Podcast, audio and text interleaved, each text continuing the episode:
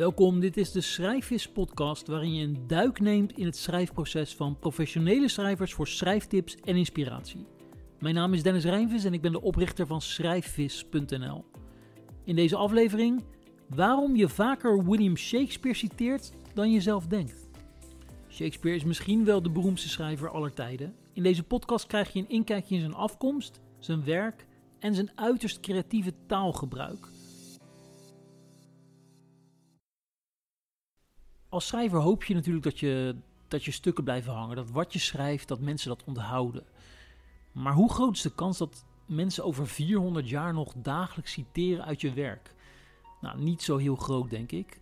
Tenzij je William Shakespeare heet.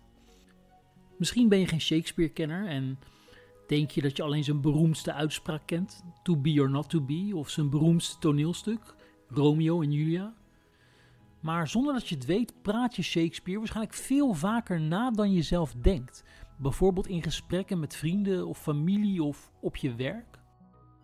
En dat heeft te maken met de manier waarop Shakespeare met taal omging. En het heeft ook te maken met zijn afkomst. Shakespeare kwam uit een klein dorpje, Stratford upon Avon, en daar werd hij in 1564 geboren. Zijn vader was een leerhandelaar, die maakte bijvoorbeeld handschoenen. Maar die vader was ook heel actief in het politieke leven. Hij was wethouder van Stratford en daardoor had hij bepaalde privileges. Hij kon zijn zoon William naar een goede school sturen, een grammar school. En daar leerde William lezen en schrijven. En dat was helemaal niet vanzelfsprekend voor die tijd. En hij leerde ook Latijn spreken. Nou, dat gaf William de capaciteiten om later als toneelschrijver aan de weg te timmeren. Hij trok op een gegeven moment zelf naar Londen om daar toneelstukken te gaan schrijven voor theaters. In die tijd waren die enorm populair.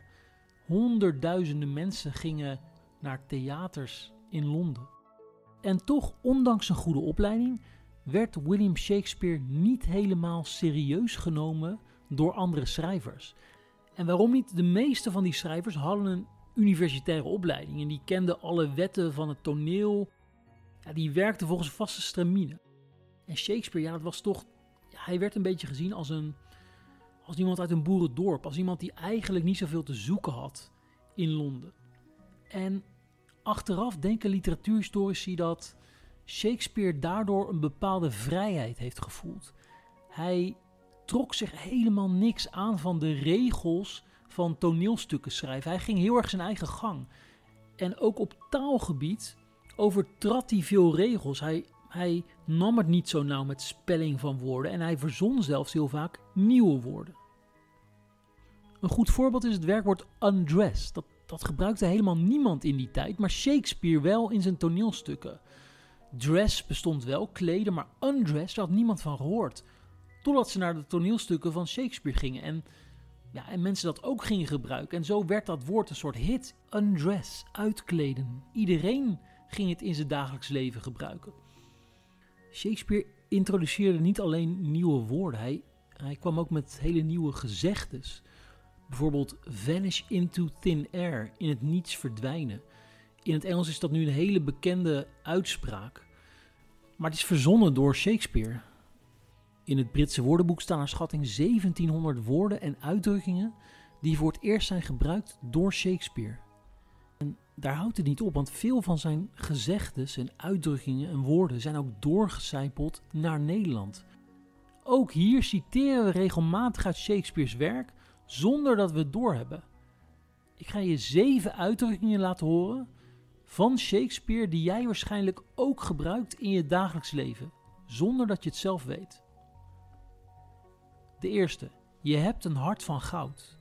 Shakespeare introduceerde dit gezegde in zijn toneelstuk Hendrik V. En in dat verhaal vermomt koning Hendrik zich als een gewone soldaat. En gaat hij ja, gewoon even praatjes maken met andere soldaten. Hij wilde namelijk achterkomen, wat vinden die soldaten eigenlijk van mij? En een van de personages, een gewone soldaat in dat toneelstuk, antwoordt dan: ah, De koning, dat is een fijne man met een hart van goud. En inmiddels is het doodgewoon om te zeggen dat iemand een hart van goud heeft, maar toen was dat nog helemaal niet normaal om dat te zeggen.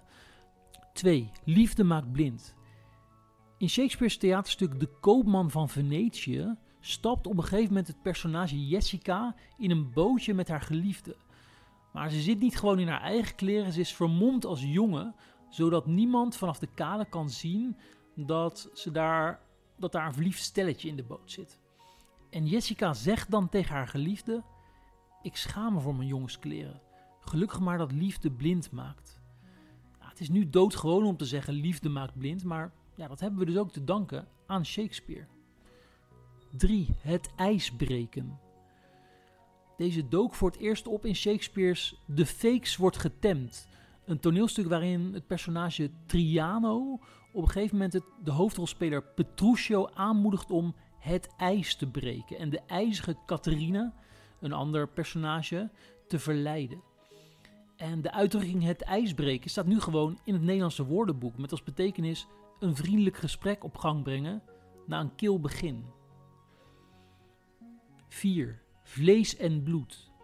Mijn vlees en bloed, ja, dat komt eigenlijk voorbij in heel veel toneelstukken van Shakespeare. Van Hamlet tot King Lear. En de personages in die stukken verwijzen ermee naar de toekomstige generaties van hun familie. Zo vindt de hertog van York in het toneelstuk Henry VI dat zijn vlees en bloed recht heeft op de troon, kortom zijn nakomelingen. Maar ook als je zegt, zij is een mens van vlees en bloed, dan citeer je Shakespeare. Nummer 5. Groen zien van jaloezie. Shakespeare beschreef in 1603 jaloezie als een monster met groene ogen in zijn toneelstuk Othello. En waarschijnlijk is die beschrijving verantwoordelijk voor de, de uitdrukking die we nu nog steeds gebruiken: groen zien van jaloezie. Als je de volgende keer jaloers bent op iemand, pak dan je Shakespeare-rol en zeg: Ik zie groen van jaloezie. Dan citeer je hem. 6. Te veel van het goede. Kun je verlangen naar te veel van het goede? Dat vraagt de hoofdpersoon Rosalind in het Shakespeare-stuk Naar het u bevalt. Het was toen een nieuwe uitdrukking, maar nu gebruiken we hem eigenlijk allemaal. Uh, als iemand te veel zout op je eten strooit, ja, dan zeg je: nee, stop even, dat is, dat is iets te veel van het goede. 7 en de laatste. Ik heb betere dagen gekend. We zeggen dat allemaal wel eens als we ons niet zo lekker voelen. Maar de uitvinder van deze kreet is opnieuw Shakespeare. In zijn toneelstuk Timon van Athene zegt een om geld belende zwerver: Ik heb betere dagen gekend. Ja, en morgen zeg jij het misschien als je hebt verslapen of met je verkeerde been uit bed bent gestapt. Of ja, als het allemaal niet zo lekker loopt. Put dan troost uit het feit dat je Shakespeare citeert. Nou, wat, wat kun je er nou van leren van die uitdrukkingen? Want je kunt zeggen van ja, leuk dat ik ze gebruik, maar wat, wat moet ik ermee? Ik denk dat dit laat zien, uh, die kracht van Shakespeare's uitdrukkingen. Het laat zien dat je niet te krampachtig met taal bezig moet zijn. Zie het als een spel. Zie taal als een spel. Dat is hoe, ja, hoe je veel meer lol gaat halen uit schrijven. En hoe je ook betere stukken gaat schrijven. Door niet bang te zijn voor die taalnaties die gaan zeggen: Oh, dit woord bestaat niet. Of deze uitdrukking, nee, dat, dat kun je niet zo opschrijven.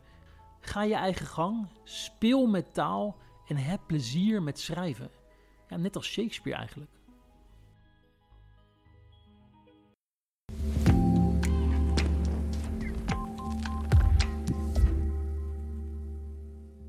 Leuk dat je luisterde naar de Schrijfvis podcast. Vind je deze afleveringen interessant? Beveel de podcast dan aan bij collega's, vrienden en familie.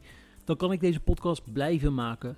Wil je op de hoogte blijven? Surf naar schrijfvis.nl en schrijf je in op de nieuwsbrief. Ben je geïnspireerd geraakt en wil je proberen om zelf een verhaal te schrijven?